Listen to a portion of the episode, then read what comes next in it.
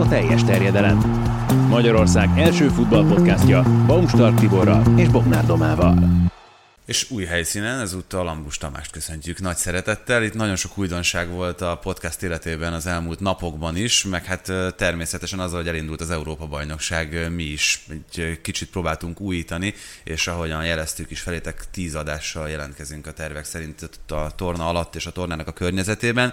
Tomi pedig abban is új, hogy bár nem először szerepelsz a teljes teredelemben, de te vagy az első Arina 4-es vendége a podcastnak. Igen, külön köszönöm a a meghívást így és ezt a megtiszteltetést, úgyhogy valóban digisportosként eh, jó pár évvel ezelőtt már megfordultam nálatok, úgyhogy most debitálok ilyen szempontból. Hát meg Domával is, mert vele akkor még nem találkoztál. Ilyen szempontból nem. Egyébként kiderült, hogy eh, korábbi világversenyeken eh, dolgoztunk már így együtt, illetve ismertük egymást, úgyhogy és hát nem véletlen az, hogy Tomival fogunk itt az Európa-bajnokságról is beszélni, mert nem csak Európában indult el a kontinens torna, hanem bár nem olyan egyszerűen és egy kicsit döcögösebben a vártnál, de Dél-Amerikában is a Copa America, te már túl is vagy az első közvetítésen, de mielőtt arról beszélnénk, természetesen először az Európa-bajnokságról lesz szó, és hát azon gondolkoztam, hogy történjék bármi is, biztos, hogy nagyon sok emlékezetes dolog lesz még ezen az EB-n. Fogunk erről másképp beszélni öt év múlva, mint arról az EB-ről, ahol Christian Eriksennel az történt, ami ugye összeesett a 43. percben a finnek elleni mérkőzésen, és hát szerintem olyan döbbenetet, olyan sokkot váltott ki ez az emberekből, hogy nem hiszem, hogy ha fel akarom idézni ezt a tornát, akkor tud eszembe jutni nagyon sok minden más majd. Hát egyelőre biztos, hogy a, az emlékek nagyon frissek, tehát ez biztos, hogy még rányomja a bélyegét erre az Európa-bajnokságra, hogy aztán x év múlva mi lesz, nyilván ez, ez elsőként fog a legtöbb embernek az eszébe jutni. Egyelőre ugye biztató hírek érkeznek az ő állapotáról, de nyilván hát nem tudom mennyi az esély arra, hogy látjuk még majd a futballpályán de ez most teljesen mellékes is természetesen. És hát ilyenkor az embernek, sajnos én már hát olyan szempontból benne vagyok a korban, hogy elég sok mindent átéltem hasonló esetek kapcsán.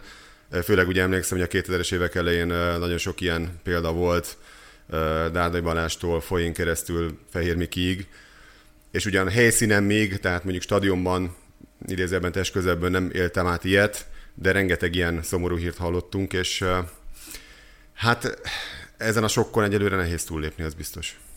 Kicsit szerintem hagyjuk ülepedni a dolgot, mert azzal, hogy Eriksen túlélte, és ugye egyelőre jól van, azért ez egy picit más megvilágításba helyezi szerintem. Tehát június 10-hányadika van most? 14-e, 11-én kezdődött az EB, még van egy hónap.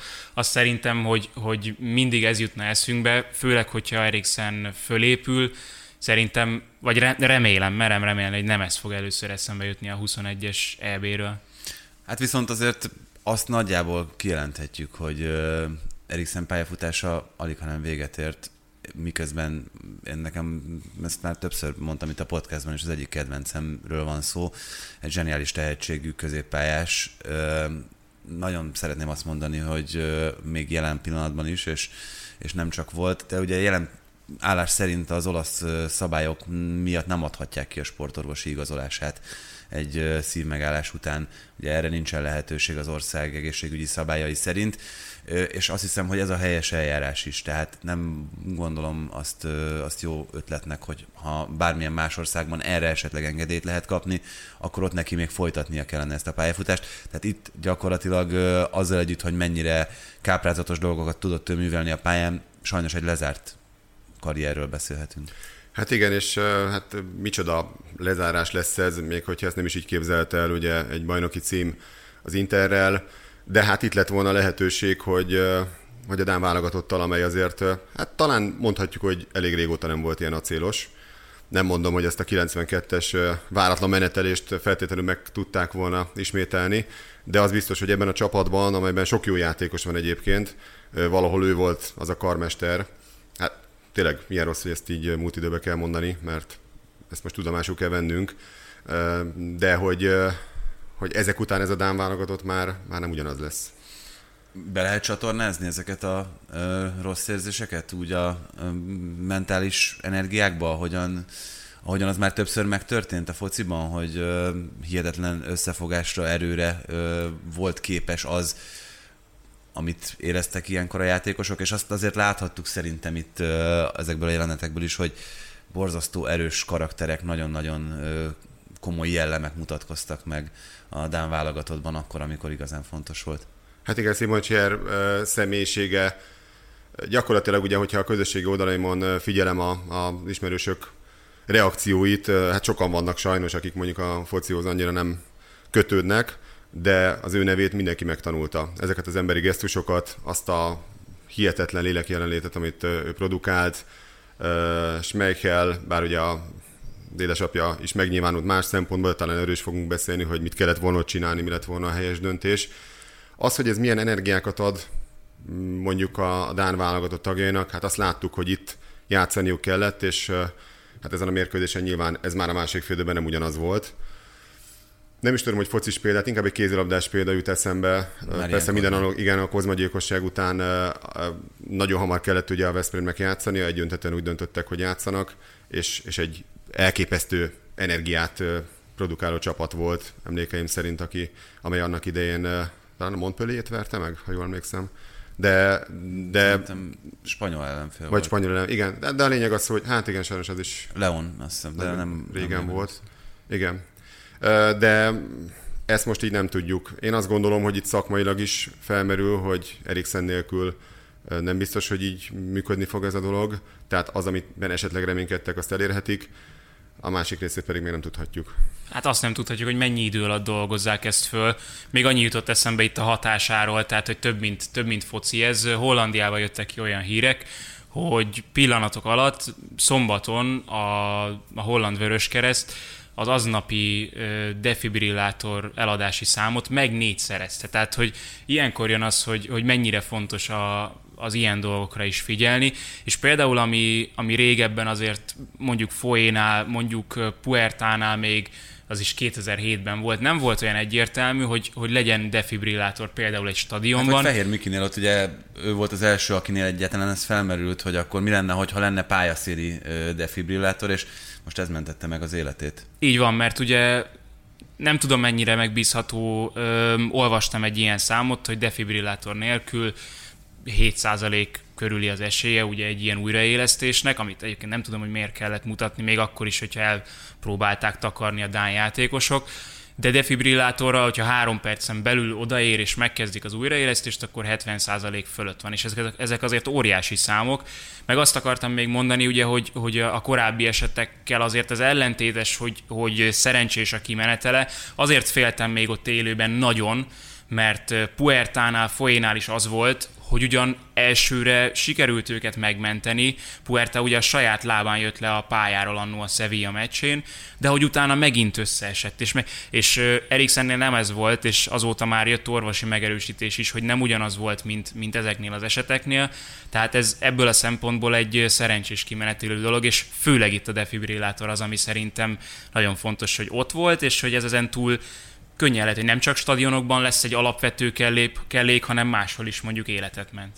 És hát ugye sokféleképpen lehet sajnos ilyen súlyos sérülést szenvedni, de ugye bennem előzetesen ugye kommunikáltunk, hogy miről is beszélünk a műsorban természetesen, és azért, ha emlékek között kutatok, nekem a, a legfrissebb ugye a két évvel ezelőtti Magyar Kupa döntő, ugye nem szívleállás, de Lovrencsics Gergő esete, amit élőben tényleg a, a tévében mutattak, és ugye Hajdúi Pisti szavai máig bennem csengenek, amikor ugye Murka Benedekkel ütközött Gergő, és nem mozdult, és történjen már valami, és az ember tényleg annyira bele tudja élni magát ebbe, és, és így megváltozik minden, tehát teljesen mindegy, hogy milyen esemény van, addig ugye vagy szurkolt valakinek, vagy valamilyen szempontból figyelte, és amikor felemeri a kezét, mondjuk a hordányon, és azt a megkönnyebbülést átélni, hát ugye itt is a közönség üdrivalgásából lehetett hallani, hogy valami pozitív dolog a, történt. Meg abból ugye, hogyha hordágyra teszik, akkor ott már pozitív dolog. Tehát az, az egyértelmű volt. Na beszéljünk egy kicsit erről, hogy akkor itt uh, mi volt a helyes döntés, hogyan kellett ezt a uh, szituációt kezelni. Ugye én azt hiszem, hogy itt a három szóba jöhető, vagy mondjuk legyen négy szóba jöhető opció közül egy az teljesen megvalósíthatatlan lett volna, hogy az egész tornát uh, tolják el egy nappal, ezt a szállodafoglalások, az egyéb olyan dolgok miatt szerintem azonnal el lehetett vetni. Ugye három másik lehetőség vetődött még föl, hogy gyakorlatilag befejezetnek nyilvánítják a mérkőzés 0 0 végeredménnyel, másnap játszák le délben, vagy ott folytatják. Ugye a játékosok döntöttek a hivatalos verzió szerint, és azóta azt is tudhatjuk, hogy azután döntöttek így, hogy beszéltek Christian Eriksennel, aki a kórházi ágyról ugye kapcsolatba tudott lépni a csapattal. Mit gondoltok? Én elmondom, hogy, hogy mit gondolok, aztán vitatkozhattok, vagy, vagy egyetérthettek velem. De várj, gyorsan még elmondod, hogy mi volt a másik két opció? A másik két opció ez, hogy másnap játszák, vagy, vagy aznap. És ezek közül... Másnap, aznap meccsbefejezés, vagy, vagy egy, tor, egy nap eltolás. Jó. Így jön össze a négy, akkor ha jól értettem. Így van, igen. így van, így van. Tehát, hogy befejezetnek nyilvánítják a meccset, tolják a programot, vagy másnap játszák, és, és az aznapi. Én úgy tudom, hogy alapvetően ez a kettő dolog maradt a pakliban, az aznap lejátszás, vagy a másnap, tehát a játékosoknak már ezt a kérdést tették föl. Igen, és ezt mondta a, a szövetségi kapitány is, hogy ezt nem értette, hogy miért csak ez a kettő maradt. Ö, én azt gondolom, hogy, hogy ö, magamból kiindulva gondolkoztam, és ö, bennem azt fogalmazódott meg, hogy iszonyatos sok hatás ért ezzel az egész jelenet sor és látvány sorról, amit, amit nyújtott ez az egész tizen pár perces küzdelem a, az életért a játékosnak, de hogyha ott 8 órakor mondjuk valaki engem megkérdezett volna, úgyhogy nyilván nem futballoztam soha ezen a szinten, hogy most akkor a gondolataimmal menjek vissza a szállodába, és utána 12 órakor jöjjek vissza, és kezdjük újra ezt a mérkőzést, vagy még akkor itt a Teltháza stadionban, Kopenhágában játsszuk le akkor, akkor alig, hanem én is azt mondtam volna, hogy inkább, inkább játsszuk le. Persze nyilván nagyon nehéz ebbe a, ebbe a helyzetbe belelátni bármit kívülállóként, de én azt hiszem, hogy, hogy a lehetséges döntések közül a legjobb született, és nem, tehát Hőbjer kihagyta a 11-est egy nagyon erős karakterként, nem vagyok benne biztos, hogy a következő meccsen ez nem jött volna ugyanígy ki, vagy Lukaku hogyan lépett pályára úgy, hogy elmondta, hogy gyakorlatilag több időt töltött Christian Eriksennel, még aznap este ő is játszott, mint a családjával az elmúlt egy fél évben körülbelül. Nekem pont azért tűnt volna a másnapi ö, lejátszás, vagy, vagy újrajátszás, vagy folytatás logikusabbnak, mert addigra már megtudták volna azokat a jó híreket, hogy relatíve jó híreket, hogy Eriksen jól van, kommunikál. De ezt tudták, beszélt velük. Értem, csak ugye ott rögtön azért fél órán belül még ebben nem lesz teljesen biztos, hogy ez, hogy ez állandó. Hát ez annyit tudtunk, hogy stabilizálták az állapotát, Igen. magánában üzent, nagyon sok plusz információt, persze voltak vizsgálatok, de azért másnap sem tudtuk, igazából ráerősítettek arra. Így van, a plusz információk abból jöttek, hogy az orvos megszólalt, akivel nyilván ők beszéltek, tehát hogy a dájátékosok azokkal az információkkal szerintem rendelkeztek már a döntés meghozatalakor, amivel egyébként utána a másnap a közvélemény is szembesült. Bocsánat, még egyetlen egy dolgot akartam kiegészítésként mondani, mert az alapkérdés az erre vonatkozott volna, hogy szerintetek kinek kellett meghoznia ezt a döntést, mert hallottam olyat is, hogy itt egyértelműen azt kellett volna mondani az UEFA-nak, hogy itt most nincs játék, vagy ott, van a, ott vannak a főszereplők, a játékosok, vagy netán maga Christian Eriksen, aki ugye támogatta azt, hogy ez folytatódjon ez a meccs. Hát ideális esetben én, én azt gondolom, hogy a szövetségi kapitány vezetésével a játékosok illetékesek ebben. Persze tudjuk, hogy nagyobb erők is mozognak egy, egy ilyen mérkőzés vagy torna lebonyolítása kapcsán, és sok minden tényező számíthat, de én azt gondolom, hogy ez, ez az ő döntésük kellett, hogy legyen. Mint ahogy, amennyire tudjuk, az is volt. Igen, tehát ez kommunikáció kérdése. Nyilván az UEFA-nak is vannak szempontja, és ilyenkor az illetékes megnézi, hogy na, hogy játszhatunk, mikor van másnap meccs. Ugye tudjuk, hogy három meccs volt másnap, tehát azért az, hogy ott párhuzamosan játszanak le meccseket, akkor az UEFA-nak azt is át kell gondolni, gondolnia, hogy ott akkor hogy, miképpen tudnák azt áttenni tévében, hogy tudnák ezt megmutatni, de nyilván Igen. az első, elsődleges szempont az, hogy megkérdezik a játékosokat. De ugye szurkolók is voltak, lehet, hogy a chartergépük aznap éjjel a finneknek elment. Most Be, ezek nagyon apró dolgok nyilván egy ember élet szempontjából. Hát hogyne, hogyne, ezek, ezek mind eltörpülnek alapvetően csak szerintem ezeket is számításba kell venni. Tehát számításba kell venni azt, hogy van egy kommentátori rotációja egy Európa bajnokságnak. Tehát, hogy négy-öt fős kommentátori tímek alkotják az összes televíziónál. Önnekik van egy pontos programjuk, hogy hogyan repülnek az egyik helyszínről a másikra. Ugye ez logisztikai nehézségeket azért bőven okoz ez az Európa bajnokság a rengeteg helyszínével. Tehát meg ráadásul még a járvány okozta változatlanul részben fennálló Így van, tehát hogyha valaki, valaki csak így magánemberként próbálna utazni a, az elkövetkezendő napokban, mint ahogy mi például majd próbálunk, az pontosan tisztában van azzal, hogy ez most mennyi plusz regisztrációval, plusz adminisztrációval jár. Mondom még egyszer, tehát hogy nem szeretnék egy kicsit sem érzéketlen lenni, mert ugyanúgy szerintem megérintett engem ez a De dolog. hát Csak- álszentség mint lenne, hogy szempontok- ezekről a dolgokról nem beszélnénk, mert azért igen, mint szempontok, ezek fel kellett, hogy merüljenek. Ezzel együtt én azt gondolom, és egyetértek teljesen veled, Tomi, hogy a játék, végső soron a játékosok döntésének kellett lennie annak, hogy melyik. Ettől függetlenül én azt mondom, hogy másnap más lelki állapottal léptek volna pályára, de mondom, én, én nem azt mondom, hogy mindenképpen a másnapi lett volna a jó döntés, mert így is azért jó meccset láttunk, és valahol olvastam azt a meccs közben után talán, hogy, hogy látszott, hogy milyen fair módon játszanak a játékosok, és odafigyelnek a belépőkre, hát én ezt nem így láttam, tehát abszolút, abszolút Jó, de mondjuk például a fingolnál ugye volt a- az ünneplés, mintha az elején úgy, úgy hogy elindult volna, és aztán így szóltak egymásnak, hogy srácok, Ezt most nem fogjuk kéne, vissza igen. magunkat, és, és Ott ez nagyon is- emberi volt. szerintem önkéntelenül mindenkiben felmerült, hogy vajon, hogyha nem ez a szituáció, akkor Schmeichel leér erre a labdára. Hát igen, meg hogy ennyire elalszik a védelem, és akkor Pohján Páló így ezzel a csukafejessel be tud-e találni.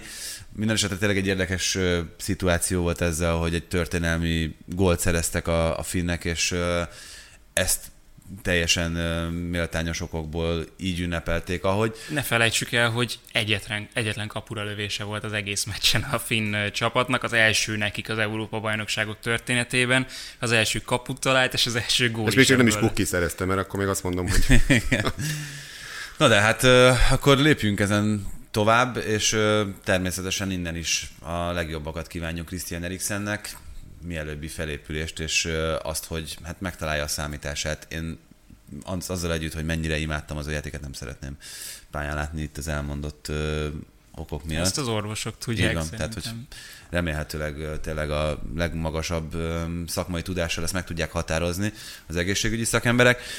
Szintén egy kapura lövés volt Olaszország ellen az első mérkőzésen. Eléggé meggyőző teljesítményt nyújtott a Mancini csapat, de bevallom engem, ez azért annyira nem lepett meg, mint a világ nagy részét, hogy hú, mennyire jók ezek az olaszok. Ezek az olaszok két éve legalább ennyire jók. Hát és, és nem olaszok, vagy nem tudom, hogy mit mondjak. Tehát ami mi felnőttünk, amit, amin szocializálódtunk, hogy az olasz csapattal kapcsolatos sztereotípiák, kőkemény, kíméletlen védők és előkíméletlen támadók. Ja, de Barisi-től mielőtt bármit Paolo mondasz, azt el kell mondanom, hogy te német szurkoló vagy, úgyhogy Nem teljesen, az olaszokkal is. Na, most aztán kiteregetted itt a szennyességem. ez igazi Ne. szennyes, tehát hogy ez... Hát ha már ilyen ö, érzelmi megnyilvánulások vannak, azért azt hadd mondjam el, hogy nekem tényleg a gyakorlatilag születésem óta, tehát a magyar válogatott az minden, mindenek felett, de ezt most csak így a rendkedvéért mondom, hogy tényleg minden más csak utána jön. Voltak ö, nagy kedvencem, ugye a hollandok régi generáció, a németek mindig is, és az olaszokat is nagyon szeretem, azért ezt tudod szerintem. Igen. Sőt, akkor jó, de, már jó, de, is, jó, hogy Torino szurkoló vagyok. azt tehát- nehezen tudom megbocsátani azért. Tehát, hogy Hát szeret, szeretheted az olaszokat, de azért egy ekkora handicappel. És ezzel most Jó. magadat is elárultad, bár ez már megtörtént párszor. Egy igen, szerintem ez talán nem, nem, nem újdonság. Török testvéreinket kell is szimpatizálok, tehát nem akarok most itt kést forgatni a szívükbe, de komolyra fordítva, tényleg ez az olasz csapat, ami nem volt annyira jellemző korábban, ugye nagyon kreatív és nagyon fontos szerepet betöltő középpályásaik vannak, miközben régen tényleg a, hát mondjuk voltak jó kapusaik is, de ugye a védők, ikonikus védők és ikonikus befejező emberek, támadók, akik jellemezték, ez most sokkal inkább egy csapat, csupa nagybetűvel. Én teljesen leakadtam azon, hogy soha korábban nem lőttek kettő gólnál többet. Tehát, hogy ez, ez volt az első 39. ilyen meccsükön, hogy kettőnél több gólt lőttek az EB-n. Hát igen, és hát ez több volt, mint meggyőző, így kezdetnek. Nem tudom, hogy, hogy ez a folytatásban mit hoz majd, de nagyon motiváltnak tűnnek. Tényleg jó paszban, jó szériában is vannak. Nincsenek talán akkora világsztárjaik, mint megint akkor nem tudom, Pipo Inzaghi, vagy Paolo Rossi, vagy sok mindenkit emlegethetnénk, akár a 2006-os ö, hősbrigádot, de de mégis elképzelhető, hogy ez a csapat ez nagyon messzire eljuthat. Ha már Pippo Inzagit említetted, egyébként pont egy nagyon kedves ismerősömmel beszélgettem arról, hogy, hogy Immobilének olyan erényei vannak, amik eddig azért feltétlenül ilyen nagy tétnél nem mindig buktak elő és jöttek ki, de ő egy ilyen Vieribe volt ott Pippo Inzaghi, tehát hogy minden olyan erényel büszkélkedik, amivel Pippo Inzaghi is, ahogy érkezik a kapu elé, viszont hogyha mondjuk futni kell, hogyha a védelem mögé belőtt labdákkal kell kezdeni valamit, akkor ő abban is nagyon-nagyon jó. Igen, hát én azt hiányoltam tőle, hogy azért a nemzetközi porondon adós volt tartósan a jó teljesítménye, tudjuk hogy mire képes a, a, az olasz bajnokságban. Azt is megkockáztatom, hogy igen, csak leégett, amikor például a légiósnak állt, tehát látszik, hogy Azért az nem, olaszok nem ritkán... nagyot kockáztattál. Igen. Az olaszok ugye sokáig jellemző volt, hogy nagyon nem érezték jól magukat idegen környezetben, aztán ugye elkezdtek Angliába szállingózni erre-arra, tehát oké, okay, vannak már légiósaik. Immobile szerintem tipikusan az a, az a játékos, aki otthoni környezetben jól érzi magát, és hát remélhetőleg a válogatottban is egyre inkább beindul. Várjunk ezzel egy meccset még szerintem, vagy kettőt. Tehát, hogy az, amit a török válogatott mutatott, az, az elég furcsa volt. Nagyon hasonló volt a ké, az első két kapott gól. Nagyon üresnek tűnt a, az a helyzet, amiből végül ö, született mind a két találat, és ami erőssége szerintem ennek az olasz csapatnak, hogy pont az a poszt, amiről azt gondoltuk, hogy a leggyengébb, az volt a legjobb, a bal hátvéd. Spinazzola, igen. Öm, hát egy nagyon érdekes, azért azt mondhatjuk, hogy az összes olyan döntés, amit Mancini hozott ezzel a mérkőzéssel, meg talán mondhatjuk, hogy ezzel a válogatottal kapcsolatban az ült. Itt tényleg Spinazzola esete is tökéletes példa erre. Kiéz helyett Berardi kezdett. Locatelli. A mérkőzésen, hát ugye Verratti sérülése is okozta azt, hogy Locatelli-nek kellett előlépnie, de mindegyikük nagyszerűen teljesített és igazolta azt a döntést. Abszolút, abszolút.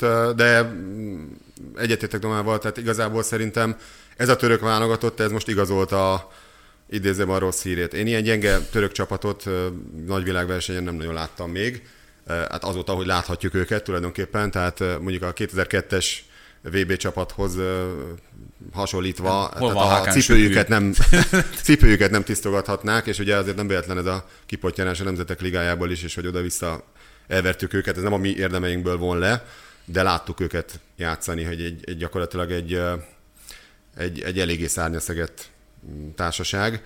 Úgyhogy az igazi erőpróbák még hátra vannak, de ettől függetlenül tudjuk, hogy az olaszok azért értek el szép eredményeket az elmúlt években. Igen, én is, lehet, én is azt gondolom, lesz majd. Én is azt gondolom, hogy egyébként nyilván nagyon-nagyon korai lenne itt tényleg nagy örömódákat zengeni azzal kapcsolatban, hogy az olasz válogatott mennyire jó. Ehhez kellett a törökök gyengesége. És ugyanez a gondolatom megnézve a belga-orosz meccset is, hogy ott is egy nagyon meggyőzően teljesítő belga válogatott volt, de hát egy nagyon, nagyon gyengécskének tűnő orosz csapat. Ez az orosz csapat, ez csak otthon Otthon félelmetes? Otthon erős? Hát, vagy most kiderült még ott se.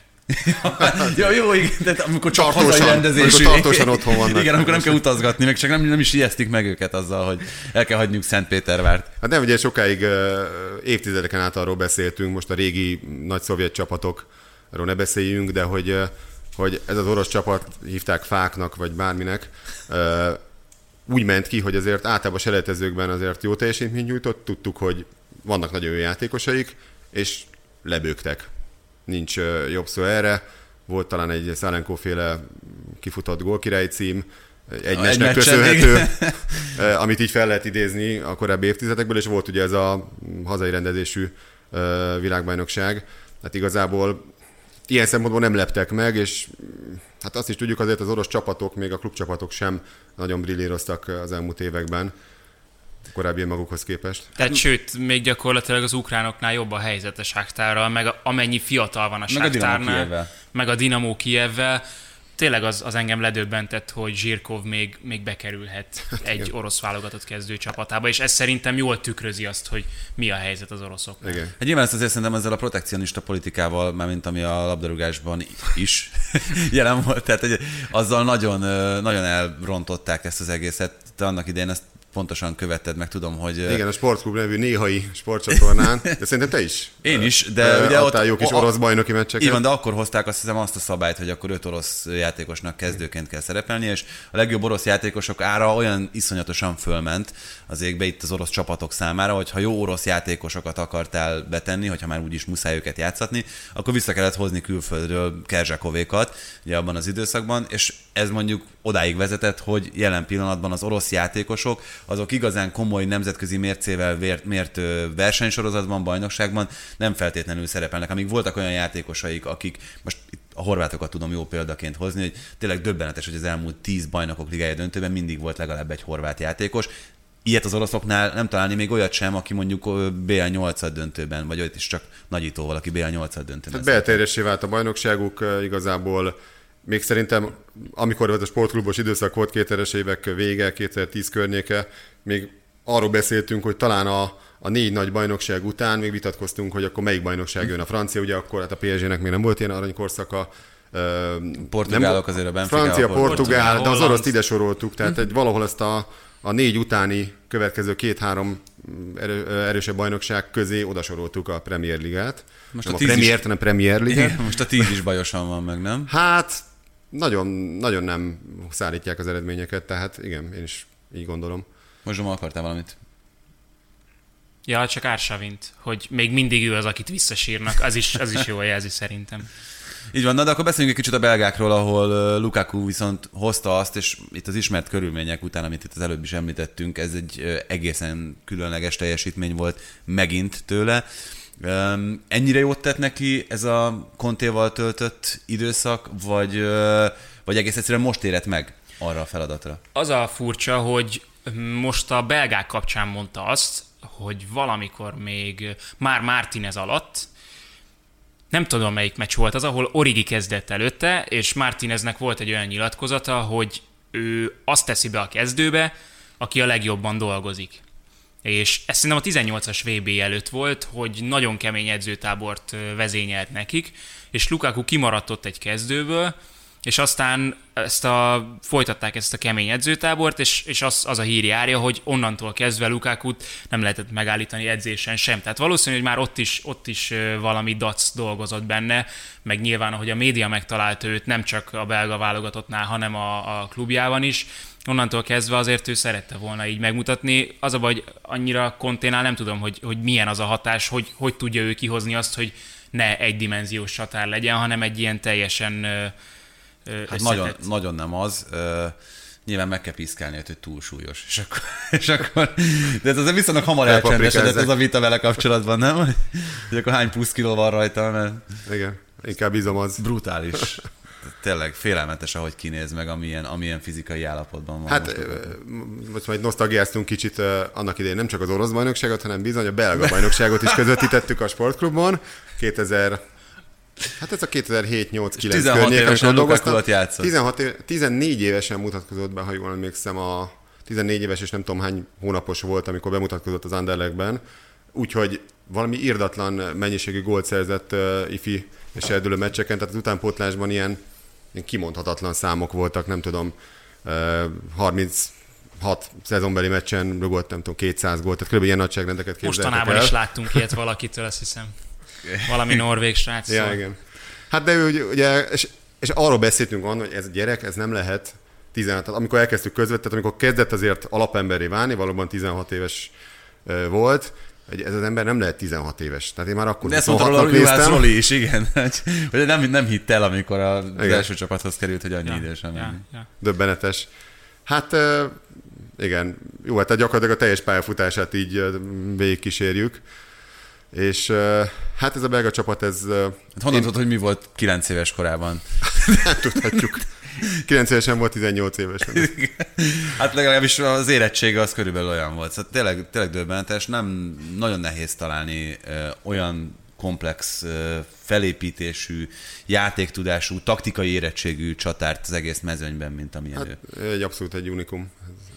Egyértelmű, de hát ez a belga csapat is félelmetes, tehát én, én nem felejtem el, ugye végül is volt néhány negatív kalandom a 2016-os EB-n, talán emlékszel, beszéltük is ugye a bordói meccsről, nagyon tragikus körülmények között járattörlés miatt lemaradtam, de ugye egy meccsen voltam ott, Toulouse-ban, a belga-magyaron. Mit nem bánok, mert szerintem jól játszottunk, és egy nagyon jó meccs volt.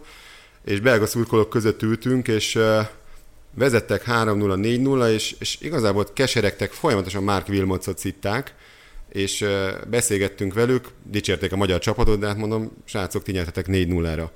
És azt mondják, hogy annyira rühellik Vilmocot, annyira egy szedett-vedett társaságot csinált ebből a belga, egyébként nagyon jó erőkből álló belga csapatból, mert azért már akkor kikiáltották persze. őket, nem is annyira titkos favoritnak, és hát ellenünk speciál azért kijött nekik a lépés, Azár egyetlen jó meccse volt talán az EB-n, és hát ez az edzőváltás, ez, ez zseniális, tehát Roberto Martinez alatt a belgák is csapattá váltak, és talán Hát azért már a világbajnokságon is letették a névjegyüket, de én most, bár sokan a franciákat emlegetik legnagyobb favoritként, én valahol most a belgákra voksolnék. Sőt, ez annyira jót tehet egy csapatnak, amikor nem rájuk figyel mindenki. Tehát a, belgákat most senki nem sorolja az igazi esélyesek közé. Anglia, Franciaország, esetleg az olaszok, és akkor néhány ember megemlíti a spanyolokat, hogy okozhatnak meglepetést, a belgákat senki. És ez szerintem egyrészt nagyon jót tesz, másrészt viszont ugye korosodó csapat ez, tehát ahol Alderweireld és Fertongen még mindig kezdő tud lenni, Igen, ott már nem a csúcson vannak. a kérdés, de közel vannak még a csúcshoz. Tehát ezért mondom, De hogy, az utolsó hogy ez még így kiforrott, nagyot kiforrott válogatott. Igen, és még ezt pont hozzá akartam tenni, hogy Alderweireld és Fertongen esete azért is egy nagyon érdekes kérdés, mert valóban ők már lehet, hogy nem a legjobb teljesítményüket nyújtják, mint mondjuk abban az évben, amikor a Spurs-szel döntőbe jutottak a bajnokok ligájában, de sokkal nagyobb vezérek lettek, és talán inkább erre volt szüksége, mert zseniális tehetségekből nem volt hiány az elmúlt évtizedben sem a belga válogatottnál, de az olyan típusú vezér alakok, mint amilyennek most Lukaku tűnik, mint amilyennek már most itt éretten Alderweireld, Fertongen, akár De Denayer, nem érze, éreztek hasonlóságot? Ugye Chiellini, Bonucci, és a egyébként sok fiatal felálló olasz válogatott. Tehát Igen, ez a, ez a jó mix, nem? Hogyha, hogyha vannak, vannak olyanok, akik főleg a egyébként... hátulról tényleg vannak ezek a legendák, akik uh, irányítanak. Hát És meg ez akkor még, De ez még, Bruyne-ről még nem is beszéltünk. igen, ez még egyébként egy nagyon ideális helyzet is, mert ugye pont a Rómával kapcsolatban vetődött föl idén nagyon sokszor, hogy nem jó az, hogy hátul vannak a fiatalok, elől vannak az idősebb játékosok. Itt mind a kettőnél jó a helyzet ilyen szempontból, mert a biztonságot nyújtó hátsó az ott van, ha már hogyha biztonságot nyújtanak, mert Nyilván itt szerintem azért az Achilles sarok az továbbra is az lehet a belgáknál, hogy mondjuk kontrá kellene egy kicsit gyorsabb ö, sürgébb csapattal, mit fog kezdeni Alderweireld, Denayer Igen, ha valahol megfoghatók, akkor valószínű ez, ez az a poszt így van. de, Sőt, hát, de karakterben többek. Bojáta is kezdő volt most, nem? És ő is 30 fölött van. Hát vannak jó páran ebben a belga csapatban, úgyhogy tényleg itt most az egyik utolsó dobásuk lehet. Jó tudjuk, hogy a VB sincs annyira messze, de azért akkor is egy évvel idősebbek lesznek. És, és most már azért valamit, hát én annyiban vitatkoznék csak veled, hogy igen, talán a, az otcok meg a legnagyobb esélyek megfogalmazásakor nem biztos, hogy ott vannak, de azért van egyfajta nyomás, legalábbis a hazai közvélemény részéről, hogy azért ennek a aranygenerációnak, bár már nem nyert aranyat, de azért mégis valahol annak tartják, lehet, hogy nem lesz még egyszer ilyen esélye nyerni valamit. És akkor beszéljünk ö, harmadik olyan csapatról, amelyik az eddig, vagy az eddig fellépők közül szerintünk esélyesként tartható számon, ez az angol. Ja, Hát nálam a hollandok nem végső, vagy van nálad szerinted? nem, de... Mert egyébként nem rossz, tehát nem... Jó, de az egy- eddig Eddig legjobb ezzel nem tudjuk le. elképzelni őket, de igen. Az EB eddig legjobb meccset játszották le az ukránok ellen, tehát hogy azt szerintem kétségtelenül így van, és tartást is mutattak, meg, meg nem, nem volt ez rossz. Na de Angliáról beszéljünk egy kicsit. Érdekes döntéseket hozott Southgate, végül az eredmény mondhatjuk, hogy őt igazolta, ez az 1 0 győzelem. Kicsit talán nehezebben jött össze, de tegyük hozzá, hogy azért a horvátok nem voltak ideális első ellenfelek a, az angolok számára. Egy mondjuk kicsit korlátozottabban, de játszani akaró csapatról beszélünk, brutálisan erős középpályás sorral, ehhez képest az az 1-0 lesz szerintem egy egészen, egészen elfogadható eredmény. Hát igen, azért a horvátokról azt tudtuk, hogy még a három klasszis visszavonulása, válogatott való visszavonulása után nem biztos, hogy már azt a játékelőt fogják képviselni, nem is biztos, hogy ennyire kifutnak az eredmények, mint történt ez a világbajnokságon, és az első fél nekem nagyon komoly csalódást okoztak. Aztán, aztán valahogy az angol válogatott a jó kezdés után visszaesett. Nem tudom ezt most így hova tenni, hogy egy nyitómeccs, soha nem nyertek korábban Európa-bajnoki nyitómeccset. Az első meccsüket nem nyerték még meg ugye a kontinens viadalon. Úgyhogy én azért úgy érzem, hogy nagyon sok tartalék maradt még az angolokban. Főleg, hogy tényleg az első 10 percet nagyon megnyomták, és utána kicsit az volt az ember érzése, hogy megijedtek attól, hogy egyszer-kétszer el tudtak futni azért a horvátok, és az első fél idő az onnantól nem, nem unalomba fullad, de, de ilyen nagyon óvatos volt szerintem. Igen, igen, igen, igen. Itt nagyon, nagyon érdekes dolog az, hogy mennyi potenciál lehet még bennük, hogy ugyan 26-os kereteket vihetnek ki, 23-at lehet közülük nevezni, azért itt a kimaradókon egy kicsit én elméláznék, tehát hogy Sancho, Chilwell, Maguire, Maguire közülük nyilván itt még a sérülés következményei miatt, de a másik kettő? Úgyhogy Henderson pedig ugyanúgy, mint Maguire, a hírek szerint még azért nem állt készen arra, hogy sorozatterhelésben őt lehessen játszatni. Gyakorlatilag egy éve erről beszélnek Anglia kapcsán, hogy akkor ki lesz kerettag, ki nem, mikor, hogyan, ki lesz a 25. ember, ki lesz a 26.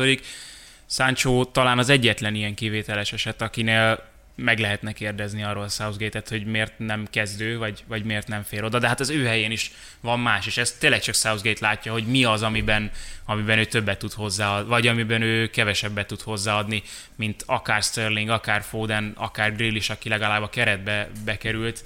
Most ezeket a személyi döntéseket ilyen minőségű játékosoknál én nem tudom vitatni. Tehát ezt csak ő látja, hogy ki az, aki jobban illik a rendszerébe. Hát és. Henderson kapcsán pedig ugye azért ez egy borzasztó fiatal angol csapat.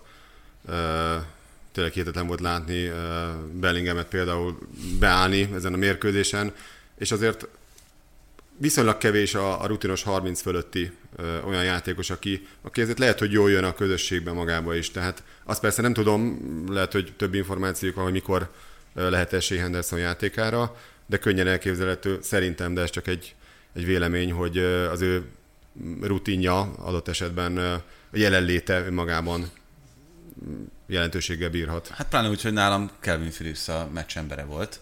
Igen. És nagyon nehéz most elképzelni, hogy ezután Rice helye azért azt hiszem, hogy megingathatatlan, hogy ö, Phillipset lecserélve Henderson lesz. Főleg azért, mert talán Henderson támadásban nem tud annyit hozzáadni. Tehát Hendersonnal inkább két védekező középpályást tudunk elképzelni. Igen, Calvin Phillips inkább Hendersonhoz hasonló, tehát Rice sokkal védekezőbb, mint Henderson, de ezzel a teljesítménnyel tényleg nehéz paritba kelni, vagy hogy mondják ezt. Igen, hát itt a legnagyobb kérdés az továbbra is az, hogy itt a támadó középpályásokat hogyan fogja majd forgatni, fogja forgatni. Egyébként ugye pont azon gondolkoztam, hogy itt azért eltelik annyi nap a meccsek között, hogy ha valamelyik szövetségi kapitány nem akar, akkor nem feltétlenül kell hozzányúlni a kezdőcsapatokhoz, mert ennél szerintem sűrűbb menetrendben játszottak az angolok. Tehát, hogy a, az ő ritmusuknak is azért valahol fontos az, hogy meglegyen ez a négy naponta. Hát azt nem tudjuk, hogy ez egyébként azért hosszú idény végén milyen erőtartalékok maradtak még, ami esetleg még befolyásolhatja ezt a rotációt. Illetve De- hát, hogy hogy alakul mondjuk a második meccsük például. Igen, jelzésértékű volt azért szerintem, hogy a második félidőben jöttek a cserék. Tehát, hogy az angoloknál Fodent lehozták, így úgy belenyúlt a meccsbe azért Southgate, hogy, hogy pihentesse őket valamilyen szinten. Na hát nekem még egy dolog van, amiről itt az eddig történtek alapján mindenképpen beszélnem kell, nekem megvan a kedvenc gólörömöm. No. Arnautovicsé, Ah, amiről a leginkább érdemes beszélni. Hát ilyet én nem láttam még, hogy a, az egyik játékos a másiknak a száját így próbálja becsukni alulról, hogy ne, ne, ne tudjon beszélni. hát róla azért tudjuk, hogy egy elég bohém figura.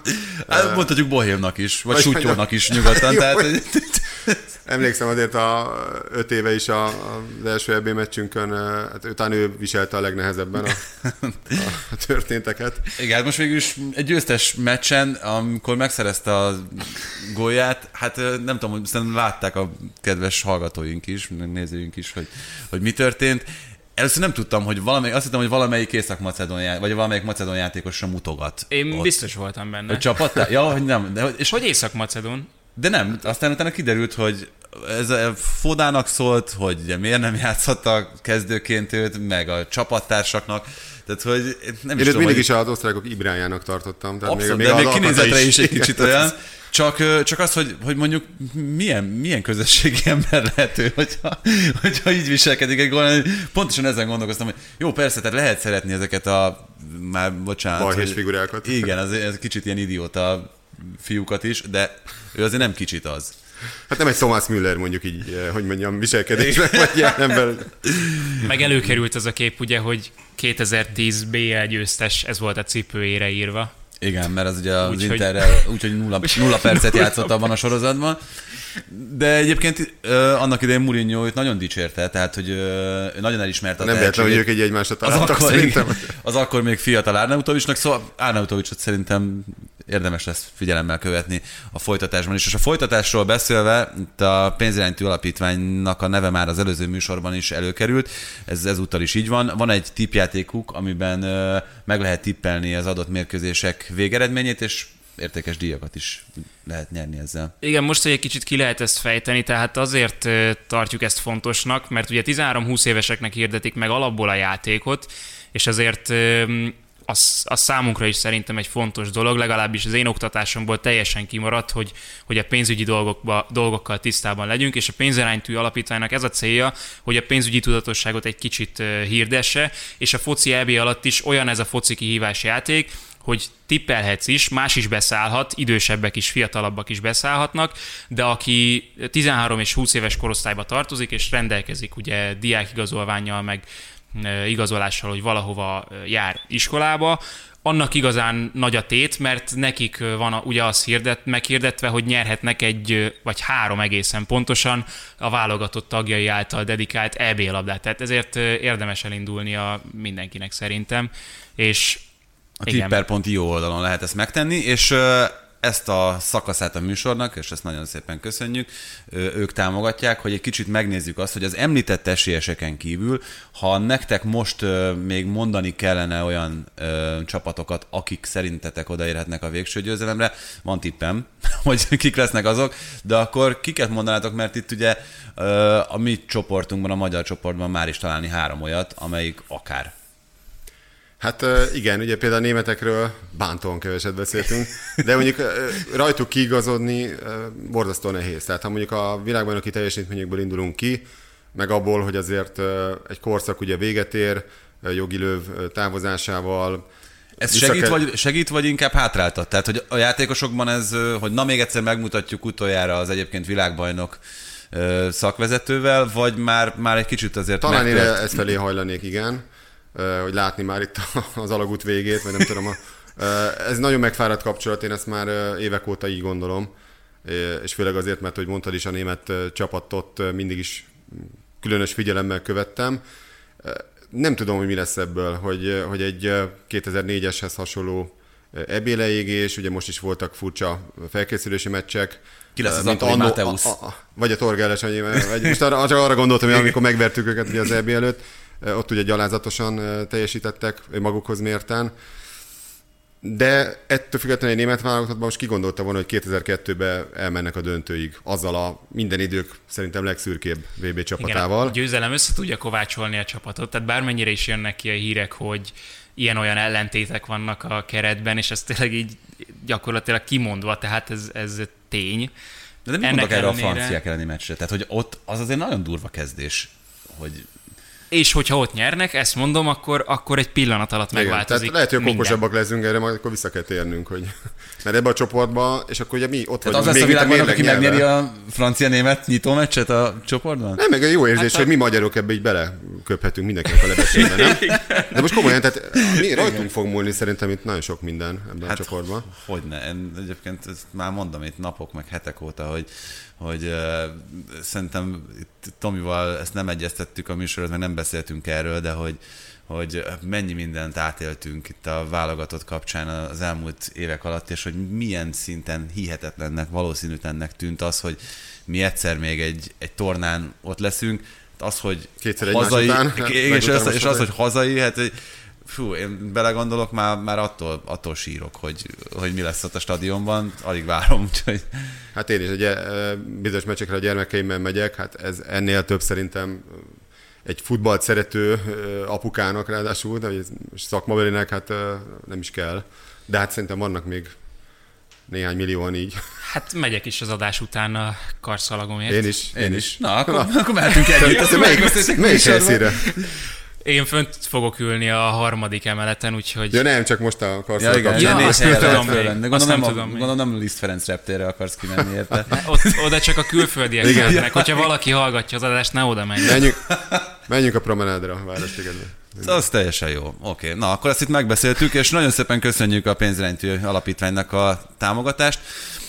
Úgyhogy érdemes ezekre a mérkőzésekre tippelni. Még egyszer, tehát a tipper.io oldalon érdemes per keresni ezeket. Penziránytú. Penziránytú. Tú. No, Copa America, mert hogy erről vannak a legfrissebb emlékeid és élményeid, és ezért is köszönjük nagyon szépen, hogy be tudtál ide jönni a Kolumbia meccs után, amit hajnali kettőkor kezdtek magyar idő szerint. Bevallom, volt egy ilyen tervem, hogy megnézem. Na, nem, nem maradtál fenn? Nem tudtam. Te hogy neked Csalódtam benned. Hát elnézést kérek először is a kedves hallgatóktól, hogyha fátyolos a hangom, akkor nem feltétlenül az érzelmeim uh, kinyilvánítása miatt van, hanem mert Hát mert annyira elérzékenyültél a Kolumbia, Kolumbia meccset. Hát, én azt mondom, hogy minden kezdet nehéz. Tehát ugye itt nagyon sok hogy mondjam, nehézségről beszélhetünk. Ez a mottoja ennek a kopának, nem a minden kezdet nehéz. Hát igen, vagy gyenge kezdés után erős visszaesés, majd mondani szokták, de reméljük nem ez lesz. De hát nagyon-nagyon nehézkesen indult ez. Az, hogy egyáltalán megrendezik, az kés csoda. Szerintem a csapatok egy jelentős részének ez akkora nyűg, és ugye hát nem is csináltak ebből titkot. Még a házigazdának beugró brazil csapatnál is felmerült egyfajta bolykott lehetősége. Hát a kolumbiai válogatott... nagyon erős csapattal mentek el a brazilok. Igen, igen, hát haza. fura lenne, nem ők nyernék meg. Legalábbis azért én azt gondolom, hogy főleg így hazai pályán még nézők nélkül is torony magas esélyesek. A kolumbiai válogatott pedig ugye az egyik, tehát amikor a brazil-argentin kettősről beszélünk, mint örökös favoritokról a kopán, de szerintem most a brazilok még külön kiemelkednek, akkor utánuk egy-két válogatottat említhetünk. A kolumbiaiak névsora, még ha Hames nincs is ott a kopán, azért egészen félelmetes. Tehát top csapatokban játszó, nagyon jó kis játékosaik vannak. Ehhez képest most hajnalban egy gyalázatos hozzáállással, nem is tudom, ilyen 30 ot De szép góla. Nagyon szép góla. Tehát ez egy, nem tudom, láttátok, hogy Tibi azért még nem, majd ajánlom mindenkinek, hogy nézze meg. Egy egészen elképesztő szabadrugás variáció, amivel teljesen kisakkozták a, a, a védelmet. Tehát a gól az szép volt, és ennyi. Nagy, igen. Persze nem nekünk kell ezzel kapcsolatban dönteni, meg itt is, ahogyan itt már a műsorban ez többször elhangzott, nagyon sok egyéb szempont figyelembe vendő volt, de nekem azért a felelőtlenség szó az csak eszembe jut akkor, amikor ezt az egész tornát emlegetjük, hogy ilyen számok mellett, amik Dél-Amerikában, vagy akár csak itt konkrétan Brazíliában vannak, még akkor is, hogyha csökkentett stadionszámmal működik ez, mert ugye öt stadionnal, öt, stadion, ami egy... Amiből egy az csak a döntő Rióban. Igen, de, de hogy egy ilyen tornán nem feltétlenül ez a megszokott, hogy, hogy ennyire kevés helyszínre szűkítik össze. Szóval mennyire van ennek létjogosultsága ezek között a körülmények között ennek a tornának? Hát, nagyon szeretnék pozitívan válaszolni erre, de nagyon nehéz. Ugye az eredeti társházigazdák Kolumbia és Argentina lettek volna, náluk ugye megszülettek a felelős döntések, lett volna két meghívott válogatott is, mint az elmúlt évtizedekben ez megszokott volt, Ausztrália és Katar, nem jöttek, ezek teljesen logikus döntések voltak, tehát hogy azt hiszem 91 után rendezik ismét 10 csapattal, a 10 Conmebol tagállam részvételével a Copa Amerikát. Hát ez, van egy, egy futballőrült és sok szempontból is talán őrült elnöke Brazíliának, aki ezt ilyen szempontból bevállalta. Tehát itt szerintem Bolsonaro egy személyes döntése volt kis túlzással, és ezzel egy óriási megkönnyebbülést okozott a Conmebolnak. Jó, de azt nem értem egyébként, tehát amikor először olvastam a híreket, hogy oké, okay, elrajtolhat, és akkor még nem néztem a lebonyolítást. Ugye két ötös csoportból négy továbbjutó, ami egy vicces dolog. Tehát akkor azt gondoltam, Majdnem hogy... már, mint az olimpiai vízilabdatorna, ott nincs is kieső. De én azt gondoltam, hogy akkor, akkor annyi racionalitás talán lesz a szervezőkben, hogy akkor azt mondják, hogy akkor legyen a kettő, és akkor ott akkor keresztbe játszanak egy elődöntőt, és kicsit kevesebb a meccs szám, egy kicsit... Nem is bánták volna a játékosok. Igen, a terheket is leveszik a játékosokról, a rendezőkről, mindenki. Akkor miért? Tehát akkor teljesen elkomolytalankodják. Tehát érdemes nézni itt, azért én bízom benne, hogy lesznek jó meccsek, tehát természetesen a, a, a csatornánkon azért lesznek jó meccsek, és a brazilok például nem játszottak rosszul. Hát meg nagyon szépen hozzáigazították az EB-hez, mert gyakorlatilag a kezdések azok 11 Igen. óra és 2 óra. Tehát Így van. Ha valaki fönn tud maradni az EB meccsek után, nem Teljes program non-stop Igen, futball. akkor minden nap megnézhet 5 meccset. Mm. És délután egyébként az összefoglalókat is meg lehet nézni, ha valaki esetleg nem annyira éjszakai bagoly. De hát ettől függetlenül ez a lebonyolítás magában hordozza, hogy itt azért hát a 50% közelébe sem biztos, hogy a nagyobb csapatok teljesíteni fognak, és majd igazából a negyed döntővel kezdődik a móka. Igen, ez lehetett a háttérben amúgy, tehát hogyha elődöntő, döntő, az ugye három meccs, és hogyha legalább a negyed döntő ott van, akkor az már hét meccs, aminek a tévés pénzei talán egy picivel többet jelentenek, de hát úgy, hogy pont most reggel olvastam ezeket a számokat, hogy 100 ezer emberre 8 ezer megbetegedés jut, ez... Nagyon-nagyon hát, sok, igen. Igen. Hát itt a logikát ezekben a döntésekben nem érdemes keresni, ez minden idők hát legvitatottabb státuszú Copa Amerikája, ebben biztos vagyok. Igen, itt még az urugvályakról érdemes egy pár szót ejteni. Itt van egy olyan generáció, amelynek egyébként most itt tényleg felejtsük el egy kicsit, még ha nem is könnyű a körülményeket, amelynek ez lehet az utolsó nagy dobása. Egyáltalán itt ugye mondtad Kolumbia kapcsán, és ez megütötte a fülemet, hogy egy nem túl motivált kolumbiai válogatott.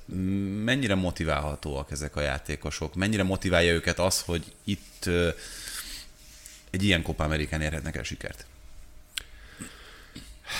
Hát ezt így nagyon nehéz megmondani, mert nekik is biztos, hogy megfordul a fejükben, nekik is van családjuk, saját egészségüket féltik, nekik is borzasztó hosszú szezonjuk volt, de kétségtelen tény, hogy van itt néhány öreg. De itt akár szerintem az argentinoknál ugye Lionel Messi-t is említhetnénk, mert Sőt. ugye róla nem beszéltünk, de nagyon sokan azt mondják, hogy azért a világbajnokságon valljuk meg ennek az argentin csapatnak sok esélye nincs arra, hogy ott a legnagyobbak között labdába rúgjon.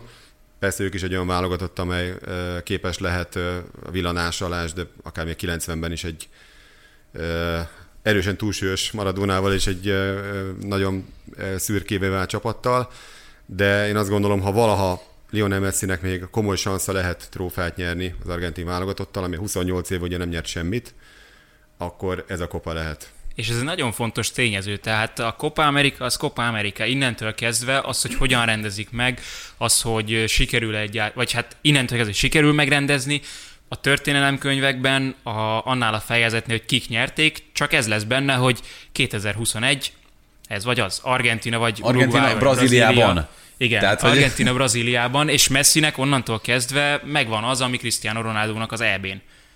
Ráadásul ugye Argentinát talán ö, erősebb csapatnak tartjuk alapból. Az, hogy még Copa Amerikát sem sikerült eddig nyernie, az neki szerintem egy nagyon-nagyon fájó pont. Egészen biztos. Tehát ez, ez egyértelmű, úgyhogy az urugvájak mellett én azt gondolom, hogy motivációban ilyen szempontból az argentinoknál sem lesz hiány, ha még itt nagyítóval keressük az igazán motivált csapatokat, de továbbra is azt mondom, mivel ugye mégiscsak hazai környezetben rendezik. Én nem, nehezen tudom elképzelni, hogy a braziloktól ezt el lehet venni. Aztán meglátjuk. A nézők felől nyomás nem lesz. Hát ha... legalábbis így direktben. Hogyha az esélyeseket ö, nagyjából ezzel végigvettük, akkor nézzünk egy olyan válogatottat, amelyik ö, nem feltétlenül tartozik az éremesélyesek közé, az a Venezuela, ahol néhányan a szövetségi kapitánynak is most mutatkoztak be, mint az első meccsen. Ez, ez, ez hihetetlen. Tehát ez... 12 covidos eset volt a keretben. E- e- erről az jut eszem, hogy 1997-ben a néhai országos strandlabdarúgó bajnokságban, ahol először indultunk, és egy szedett társággal leérkeztünk pénteken Abátszalókra, ahol zajlottak az események. Nem voltunk meg, és az egyik csapattársunk szólt a közelben dolgozó egy ilyen bankos haverjának, aki hevestől megérkezett, és egy perc a meccset így bemutatkozott, hogy sziasztok, én vagyok XY, és egyébként a mai napig a csapattársunk Szabó Attila, hallgatsz bennünket, de ez a komolyra fordítva azért az rangban talán egy kontinens tornához nem mérhető, de lehet, hogy itt is így vagy, csokolom, én vagyok Juan Carlos. De meg se ismerték őt, hanem csak be kellett mutatkoznia, hogy akkor jöttem focizni. Igen.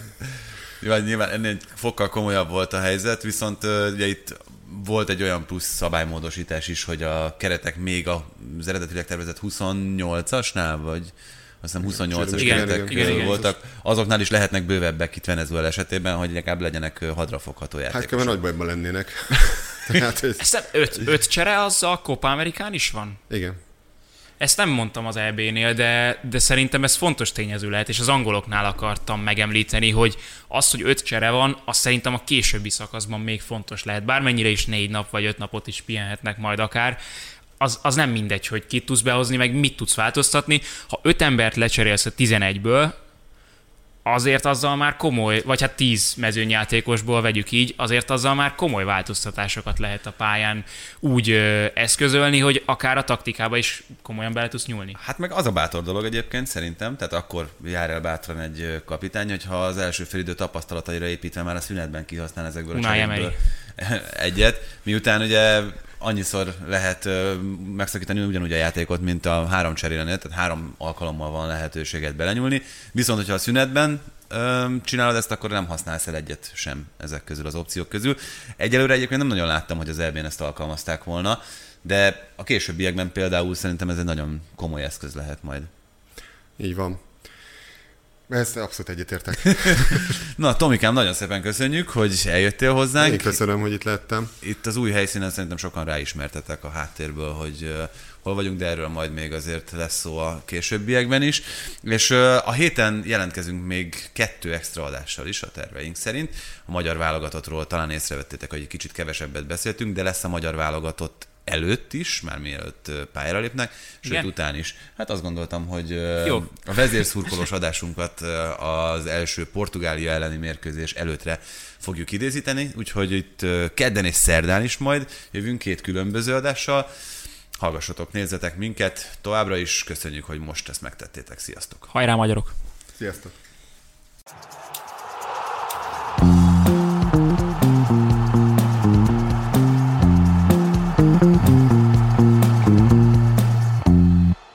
Ha más podcastekre is kíváncsi vagy, hallgassd meg a Béton műsor ajánlóját. El tudod képzelni, hogy a podcastet, amit éppen most hallgattál, fél év múlva már a mesterséges intelligencia generálja? Mi sem. De ha érdekel, eljötte már a gépek lázadása. Hallgass bele az Embertelen podcastbe. Orsós Lajos vagyok, a műsor házigazdája. Egyelőre még élőben. Egyelőre. Fedezzük fel együtt, hogyan ismerkedik, randizik, mesél és vitatkozik Betty és Péter, két teljesen mesterséges intelligencia. Lajos, a podcast címét mond még egyszer, Léci. Oké. Okay. Embertelen podcast. Ez a műsor a Béton közösség tagja.